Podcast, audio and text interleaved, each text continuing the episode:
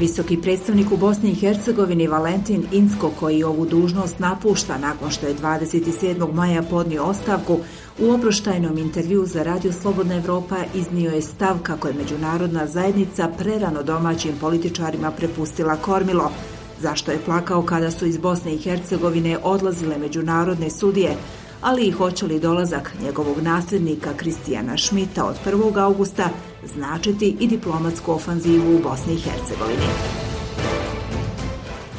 Gospodine Insko, dali ste ostavku na poziciju visokog predstavnika u Bosni i Hercegovini. U zemlju ste došli prije 12 godina. Tada se očekivao veliki napredak. Odlazite, međutim i Bosna i Hercegovina je i dalje prilično nefunkcionalna. Jeste li to očekivali? No, ja sam naravno očekivao brži napredak. Ja sam očekivao uh, da će biti uh, iskorišten ovaj zamah, uh, ova dobra energija koja je ovdje vladala prvih 10-12 godina, to sam očekivao. Uh, međutim, nije se to desilo i možda je međunarodna zajednica napravila jednu grešku kad je ona prebrzo uh, menjala brzinu od uh, onoga što smo imali, da robustno, jako internacionalno prisustvo i onda smo menjali brzinu u domaću odgovornost, domaća rešenja. To je možda bilo prebrzo i nažalost, ja, posljednjih 10-12 godina nije bilo nekih velikih dometa. Vaš mandat obilježen je nepretjerano aktivnom e, politikom u smislu nametanja rješenja, što vam je često zamjerano. Naveli ste kako je to stoga jer je domaćim političarima, kao što ste i sada rekli, data šansa da postignu dogovor. Smatrate li da ste nekada trebali reagovati oštrije? Tu sta bila još dva druga faktora. Jedan faktor je bio taj da sam ja dobio u ruke papir 5 plus 2 o zatvaranju, što bržem zatvaranju OHR-a, to je bila jedna zadaća. Drugo sam već pomenuo domaća odgovornost, da treća stvar je ta da je Bosna i Hercegovina krenula po želji međunarodne zajednice od e, Daytona prema Briselu u smjeru kandidature i članstva Europske unije I onda bi bilo nepristojno da tu neko interveniše, razumete? Kad neko želi da bude član, punopravan član u Europskoj uniji, da onda neki stranac ovdje interveniše. Tako otprilike bila filozofija. Naravno, e, imao sam želju dosta puta da nešto učinim, ali baš neke velike podrške ja u međunarodnoj zajednici ne bi dobio. Na primjer? Ja ne volim recimo činjenicu da kladionice nisu baš uh, opovezivane ja bi više volio žena u funkcijama 50% u izvršnim funkcijama, a ne samo 40, a nema ih ni 40, ne. E, onda zapošljavanje, vi znate kako se dešava tu zapošljavanje, javne nabavke i tako dalje. A pogotovo bi ja želeo veći tempo na području vladavine prava. S obzirom da nije bilo značajnijih pomaka u toj fazi kada su domaći političari dobili priliku da se sami dogovore, e, vi ste jednom prilikom upravo za Radio Slobodna Evropa rekli da treba razmišljati o kombinaciji bonskih ovlasti i dogovora. Hoćete li to sugerisati svom nasljedniku? Apsolutno, apsolutno. Pošto prva faza je bila izuzetno uspešna, ako vi pomislite, ne znam da li ste ušli u Bosnu i Hercegovinu 95. 96. Ja sam ušao dva puta to se išlo u Bosnu onako. Nije bilo granične policije, na aerodromu su bile vreće iz pjeska, neki umprofa i tako dalje, a nije bilo ništa. Sad imate graničnu policiju, imate jaku valutu, imate devet ministarstva umjesto tri zastava, imna i tako dalje. Puno stvari se učinilo. To je bila ona prva faza kad je međunarodna zajednica bila tu jako prisutna na, kako da kažem, robustan način. Da. I tu fazu treba možda opet osvježiti, i da bude kombinacija to sada, ona faza gospodina Šmida, da tu bude faza i neki miks prve i druge faze, da. Da li međunarodna zajednica prema vašem mišljenju ipak uložila u institucije čiji efekat nije onako snažan kakvim se pretpostavljalo? Recimo, ured OHR-a svoje vremena je zaveo dosta reda, ali je unazad nekoliko mandata visokih predstavnika i prije vas e, ta uloga zapravo doživljavana kao figurativna. Pa tačno je, mi smo uh, imali jako veliku ulogu na početku, a ovdje je bilo još 30.000 vojnika i više. I ta uloga se menjala, kao što sam rekao, od eh, Daytona prema Briselu. S druge strane, dobili smo specijalnog predstavnika Europske unije. Znači, i on je dobio neku jaču ulogu nego samo kao ambasador EU. Ne smete zaboraviti ni da je ovdje još uvijek ima 300 saradnika OSCE-a. Tu su jedine nacije i tako dalje. Svako radi neki svoj posao uvijek kad se priča o zatvaranju, misli se samo na OHR. niko ne pominje druge organizacije, ali koje su još uvijek ovdje prisutne. U Srebrenici radikalne organizacije i danas provociraju povratnike inicijativama o imenovanjima ulica po ratnim zločincima ili negatorima genocida. Međutim, nema pomaka u donošenju zakona o zabrani i negiranje genocida, čiji ste i vi sami bili zagovornik. Ja sam bio zagovornik domaćeg rešenja, jer dobra domaća rešenja su najbolja rešenja i uh, još uvijek ostajem nešto vremena, ja ostajem ovdje do augusta, dva mjeseca ostaju, da bi došlo do jednog domaćeg rješenja. Naravno, uh, šanse nisu baš velike, ali one još uvijek postoje. Znam i da su da je prvi put, mislim, bio gospodin Beres Belkić koji je pojavio onu prvu inicijativu uh, o nekom zakonu o negaciji genocida, mada je to bilo malo na drugčiji način, da. Ali ta šansa još uvijek postoji i nadam se da će oni iskoristiti. Tabla s imenom Radovana Karadžića ukinuta je nakon vašeg upozorenja Miloradu Dodiku. No negiranje genocida, veličanje ratnih zločinaca nije prestalo. A Narodna skupština Republike Srpske nedavno je odbila vaš zahtjev da povuče odlikovanja data osuđenima za ratni zločin. Šta vama to govori? Pa meni govori da tamo još uvijek postoje ljudi koji žive u prošlosti i koji veličaju pogrešne ljudi, srpski narod ima fantastičnih ljudi, da ne pričamo samo o Tesli i o mnogim piscima, jeli, tu su i drugi. I mogli bi oni veličati ovakve ljudi, ne prave heroje, heroje mozgova i a, inovatore i oni koji su poznati po celom svijetu, šta ne bi njih veličali, ali veličati ratne zločince, to je zaista posljednje što se može učiniti. Pored toga, ja se pitam uh, kako će odrasti ova omladina, kad će ona znati da je neko dobio neko odlikovanje, da se veličaju ljudi koji su dokazani i osuđeni, pravosnažno osuđeni ratni zločinci. Mislim da je to za omladinu najgori signal e, moguć. Ipak niste posljednji visoki predstavnik, mada se to kad ste došli u Bosnu i Hercegovinu nekako priželjkivalo. E, koliko je Bosna i Hercegovina danas daleko od gašenja OHR-a i da li bi to bilo dobro, uzevši u obzir političku klimu? Pa ako bi gašenje bilo dobro, ja bi sutra gasio OHR e, ako bi ja znao da će biti sve bolje i sve drugčije. Međutim, e, ja sam dobio zadatak da zatvaram OHR, taj zadatak je bio pismen, jeli? međutim, međunarodna zajednica, pogotovo ja lično, mi smo vidjeli i svake godine kako je postalo sve samo gore i gore. Da napomenem samo ono pitanje referenduma, mislim da je to bilo 11. godine. Onda je došlo pitanje državnosti, jeli, da li je Bos Republika Srpska, da li ima svoju državnost ili ne e, sada je to pitanje ono mirnog odcepljenja i tako dalje.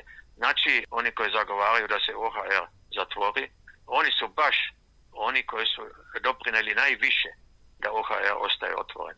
Iz Republike Srpske, naročito od Milorada Dodika, dolaze i protivljenja imenovanju gospodina Kristijana Šmita. I Rusija ne gleda blagonaklono NATO i gotovo je u pravilu bila protiv vaših odluka. E, šta je njihov motiv prema vašem mišljenju? gospodin Dodik verovatno ne želi pravnu državu. Ne? Oni se protivi i europskim sudjama u Ustavnom sudu.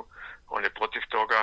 E, verovatno ne želi e, nikako dobro sudstvo, nikako pravnu državu i zato se protivi i prisutstvu tih europskih sudija, mojem prisutstvu. On ne želi ni EUFOR e, koji ovdje samo donese mir i stabilizaciju. On ne želi pozitivne stvari, nego on želi samo da bude sve po njegovom ukusu ili čefu, da a to se ne može jer postoji međunarodni norme, postoje međunarodni zakoni, postoje međunarodne konvencije i gospodin e, Dodik se mora njih podržavati. A Rusija? Rusija ima svoju politiku, ja poštujem tu politiku, ali ne slažem se naravno. Recimo kad oni kažu da Bosna i Hercegovina želi u NATO i oni su protiv NATO-a, ja poznajem taj stav. Ali postoji recimo zakon od odbrane, mislim da je to člen 84, tamo lepo piše da je budućnost Bosne i Hercegovine u NATO-u. Znači, to je želja koju ima Bosna i Hercegovina sama, sama, a meni zameraju da ja propagiram NATO, što nije tačno. Ja samo kažem, to je želja države, ona je u zakonu i to treba poštovati, ništa druga. Naravno, može se zakon menjati, to je druga stvar, ali dok taj zakon postoji, dok postoji potpis gospodina Radmanovića, to je na snazi, ja? E, nije se to e, ovaj, menjalo ništa i e, to oni meni zameraju ili, ja, ili kad mi kažemo u piku euroatlantske integracije euro. i to je isto želja Bosne i Hercegovine Europska unija nismo mi to izmislili E, oni se tomu protive A ako su tu još neke druge stvari, morate pitati Ruse ili gospodina Dodika. Da li bi imenovanjem gospodina Šmita moglo doći do diplomatske ofanzive u Bosni i Hercegovini? S obzirom da vaš nasljednik dolazi iz Njemačke, koja je jako zainteresovana da se stanje u Bosni i Hercegovini riješi, kao što to pojedini političari u Federaciji Bosne i Hercegovine vjeruju. Apsolutno će doći do e, ofenzive, a ja mislim da ofenziva je već u toku. Gospodin Schmidt je već imao razgovore sa visoko pozicioniranim činovnicima iz Amerike u Washingtonu. On je imao neke sastanke sa njima. Gospodin Schmidt je bio ovih dana, baš ovih dana, juče, prekjuče je bio u Briselu, naravno. I te kontakte već ima. On je napravio prve telefonske razgovore, e, mislim sa gospodinom Plenkovićem, sa gospodinom Vučićem i tako dalje. Ta ofenziva je već u toku. I Angela Merkel sama je rekla, da će sad biti Bosna i Hercegovina više na dnevnom redu, na višoj razini, jeli? da se vrati Bosna i Hercegovina na dnevni red, tako je rekla. Jeli? To je vrlo važno i to je s druge strane, kako da kažem, vrlo fino od gospođe Merkel, jer moramo biti mi uh, svjesni toga da postoji uh, takmičenje konflikata. Ja? Uh, Bliski istok, izbjegliča kriza ili Afganistan, da? to su konflikti koji su mnogo veći, ne, neki su mnogo stariji, neko mnogo, neki mnogo mlađi, ali svi su veći Bosne i Hercegovine. To su konflikti gdje ima mrtvih, nažalost, ili u Bosni toga nema, hvala Bogu. I naravno onda ljudi kad se probude ujutru u Washingtonu ili u Berlinu, nije njima Bosna i Hercegovina u prvom planu, to je jasno. Ne? Zato moramo biti blagodani Nemačkoj, gospodinu Šmidu, da vrati Bosnu i Hercegovinu eh, na međunarodni dnevni red. I sada su još ljudi koji žive, ja, koji se još sećaju Detona, ima još ljudi koji znaju gdje je Bosna i Hercegovina, ali tega, biti, tega će biti sve manje i manje. I zato uh, sam ja jako blagodavan gospođe Merkel uh, da je ona omogućila gospodinu Šmidu uh, da dođe u Bosnu i Hercegovinu i da se više, da se daje više pažnje uh, toj divnoj zemlji. Šta biste vi ocijenili kao svojim najvećim uspjehom, a šta svojim najvećim neuspjehom u Bosni i Hercegovini? O tome će suditi budućnost ili drugi će suditi o tome, jeli? ali ja sam sigurno uspio o tome da se ne zaboravi na Bosnu i Hercegovinu. Ja sam stalno upozoravao u Savjetu bezbednosti da taj konflikt još postoji, da je to nesavršen mir i da treba još uvijek obratiti pažnju u Bosni i Hercegovini ja sam nekako ovu žeravicu držao uh, na životu i to je bio sigurno jedan veliki uspjeh. Lično isto ja mislim da činjenica da OHR ostaje, da je to jedan uspjeh, jer ja uh, iskreno mislim da je međunarodno prisutstvo još uh, potrebno, da li je to OSC, da li je to OHR, da li je to Europska unija, uh, da li su to vojnici, EUFOR i tako dalje. Ja mislim to još uvijek, ta potreba još uvijek postoji Ako želite da čujete šta je bila moj, moj najcrni dan u, u životu ovdje posljednjih 12 godina, najmračniji dan za mene je bio kad su e, međunarodne sudije i tužioci koji su ovdje radili po raznim tužilaštvima, sudovima i tako dalje, kad su oni morali da idu kući 2009. godine, to je za me bio najcrni dan, izvinite, ja sam plakao taj dan, ja sam znao šta to znači za Bosnu i Hercegovinu, kad idu uh, iskusni sudje, iskusni tužioci, kad idu kući. Nažalost, to nisam mogao sprečiti. Međunarodna zajednica je željela da oni idu i tako. Evo. I ja sam dobio tada od istaknutih pravnika koji su advokati ovdje i čak nisu ni političari. Oni su tada uh, meni izuzetno to zamjerili da, da sam to omogućio, odnosno aminovao i šta znam ja. Međutim, ja sam još probao da oni ostaju neko vreme do kraja mandata i tako dalje. Međutim, eh, mi smo ogromno izgubili tada i bili smo na dobrom putu da to bude pravna država i to je bilo sve prekinuto uh, odlukom međunarodne zajednice krajem 2009. godine. Ako uh, još mi pitate za sretne momente, uh, to je bilo sigurno bezvizni režim u Europsku uniju.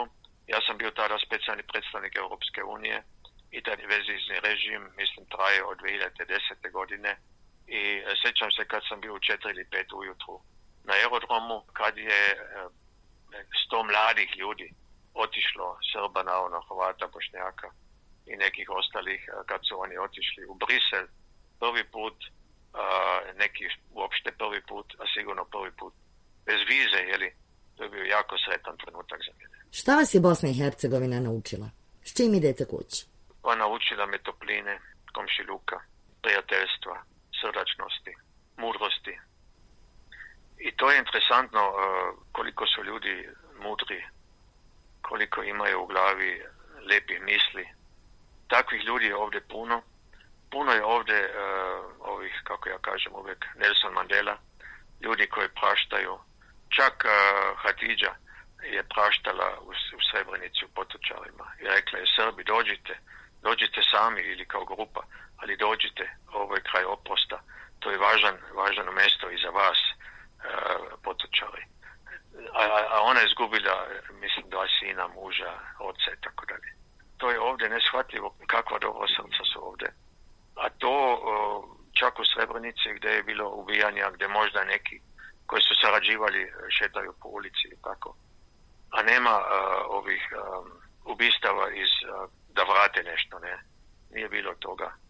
Naravno, kod nekih političara to, toga nema, ali kad ideš među ljudi, od taksista pa do prodavačice, to sve postoji ovdje i to je najveći kapital Bosne i Hercegovine. Hvala vam lijepo. Izvolite. Za Radio Slobodna Evropa govorio je visoki predstavnik u Bosni i Hercegovini Valentin Incko.